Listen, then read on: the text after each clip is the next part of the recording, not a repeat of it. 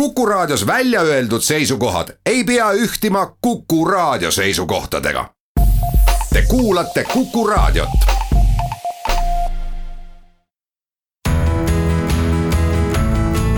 kuku Raadio nädala kommentaar. tere, mina olen kultuurikriitik Mihkel Kunnus ja see on minu nädala kommentaar teemal pensionisammas. paljud majandusteooriad modelleerivad inimest kui homo economicust homo economicus on omaenda majanduslikku võimekust maksimeeriv ja ratsionaalseid otsuseid tegev enesekeskne inimene. tegu on kahtlemata väga robustse lihtsustusega, mida on õigustatult pilganud ka paljud majandusteoreetikud ise, saati siis psühho- ja antropoloogid. see, et inimesed pole keskeltläbi ülearu intelligentsed ning liitintresside ja muu säärase arvutamine on enamikule hoomamatu jamps, ei puutu liiga palju asjasse mida IQ testid mõõdavad, pole samuti liiga selge, aga midagi nad mõõdavad ja korrelatsioon elulise edukusega sel on. aga olgu. kõnekam on ehk niinimetatud vahukommi test.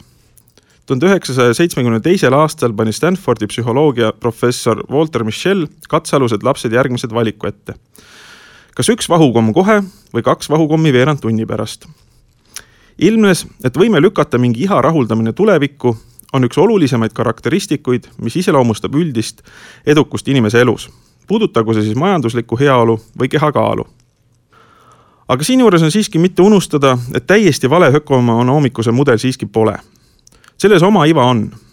aga annab mõista käitumisökonoomika professor Dan Ariely, mil kõigil võib vahel ette tulla olukordi, kus erinevate tingimuste kokkulangemisel juhtub, et käitume päris mõistlikult samuti saab luua ühiskondliku fooni, mis soodustab käitumist homoökonoomikusena. näiteks, millises olukorras ja olekus teeme otsuse? kas liituda pensionisambaga või hoida raha teises sambas edasi? kas kahe klikiga tehtava otsuse saab teha ka reede õhtul või ainult tööpäeva hommikul ja pikalt ankeete täites? kas otsus on tühistatav ja ümberpööratav? Sümpaatne on näiteks see, et abiellumiseks peab perekonnaseisuametis nii pikalt plaani ette teatama ja sellele kindlaks jääma, et selle aja jooksul jõuab kaineneda ka tsühkalkohoolikust romantikud. romantikalainel jätkates võib ühe ühiskondliku koondkitsaskoha sõnastada aforistliku lühidusega. homo economicus on viljatu, lapsi ta ei saa. laste saamine on küll viimane asi, mida võiks teha meie praeguses ühiskondlikus olukorras isiklikku majanduslikku võimekust maksimeeriv ratsionaalne olend ka kurikuulus ja palju kirutud palgalõhe ei jookse sugude vahelt, vaid vanemate, eriti üksikvanemate ja kõigi muu vahelt. sotsiaalministeeriumi praegu kehtivast arengukavast võib lugeda mustvalgel. just laste olemasolu suurendab leibkonna vaesusriski. jah, nii see on. lapsi muidugi saadakse, saadakse majandusliku kahjumlikkuse kiuste, sest inimene kohe tõesti ei ole kuigi hästi modelleeritav homoökonoomikusena kusjuures loodus on disaininud lausa vastava ratsionaalsuse vähendamise automaatika paljunemiskäitumise juurde. kireuima pöördumatud bioloogilised otsused on tänapäeval küll tehnoloogiliselt välditavad ja mõnda aega tagantjärele tühistatavadki, aga igatsus elu mõtte või vähemasti elu õite järele ulatub sellest kaugemale. instinkt trumpab mõistuse üle, võiks sõnastada mõni bioloogialembesem reduktsionist isegi sedavõrd, et sellele on võinud kuni päris viimase ajani ka lokaalselt toetuda ja globaalselt kuni tänini.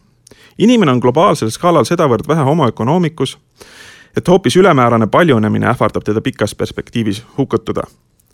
Vargamäe Andresel oli laste saamine ka majanduslikult mõttekas, temal veel. kuuekümnendate aastate lõpus avaldas USA ökoloog Garrett Hardin ajakirjas Science ülerahvastikus probleemi käsitleva artikli Ühispõllu tragöödia. Hardin väitis, et miljonite üksikindiviidide iseseisvad soo jätkamise otsused ei vii ühiskondlikult optimaalse rahvaarvuni, vaid põhjustab inimeste arvu kiirest kasvust tingitud loodusvarade nappust ja nõnda kõigi majandusliku viletsuse. oma arutluskäigu toetuseks tõi Hardin näite keskaegsest Euroopast, kus külakogukonnale kuulnud maa liigse karjatamise tagajärjel sageli viljatuks muutus. asi oli selles, et igal üksikul taluperel oli selge huvi oma lehm ühispõllule saata sest sellest saadav tulu kuulus otseselt talle, samal ajal kui ülekarjatamisest tingitud kulu langes kogu külale. sellest alates tähistabki termin ühispõllu tragöödia majanduskirjanduses sagedast olukorda, kus eraomandi õiguste puudumise korral tekib indiviididel ajend mingit ühisvara üle kasutada, sest ühelgi neist ei ole kõnealuse hüvisega ühtegi pikaajalisemat plaani. globaalses plaanis kehtib see tänini keskkonnaressursid ja atmosfääri puhtus on ühisvara ja majandusliku võidujooksu võidab see, kes sellest kõige vähem hoolib.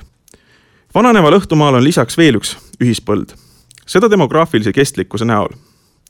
ühiskondlik kestlikkus on samuti ühisvara.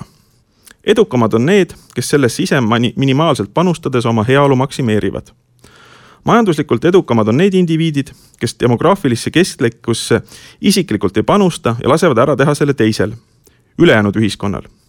kusjuures riik premeerib neid selle eest. Kes on laste saamisele eelistanud enese suuremat majanduslikku võimekust, see maksab rohkem makse ja väärib nõnda ka suuremat pensioni. laste mittesaamine on majanduslikult lausa topelt premeeritud nõnda kusjuures laste saamine ei ohusta ainult kompetentsi langust, vaid ka ühe olulisemal määral tänapäeva töölisvoorust ehk igasugust paindlikkust. siin aga võiks korraks tagasi tulla Micheli ja vahukommide juurde. tuletan meelde, et katses pakutud valik oli järgmine. kas üks komm praegu või kaks kommi veerand tunni pärast. Paljud valisid ühe kommi ja kohe. praegustel, natukenegi valgustatumatel riigilastel on aga järgmine valikuvõimalus. kas üks komm praegu või B võib-olla üks koma üks kommi ebamäärases tulevikus, kui kõik läheb kujutletamatult hästi aga tõenäoliselt pool kommi või veelgi vähem. aga et Karet Hardini osutus on tänapäeval aktuaalsem kui kunagi varem, lihtsalt õhtumaades on sellele üks põld lisaks, demograafiline kestlikkus, siis lõpetuseks parafraseeriks suust evolutsioonibioloogi Theodosius Dobzhanskit. mitte ükski ühiskondlikest reformidest ei oma enam mõtet ilma ökoloogilise perspektiivita. ja pensionireform kohe kindlasti. kuku raadio nädala kommentaar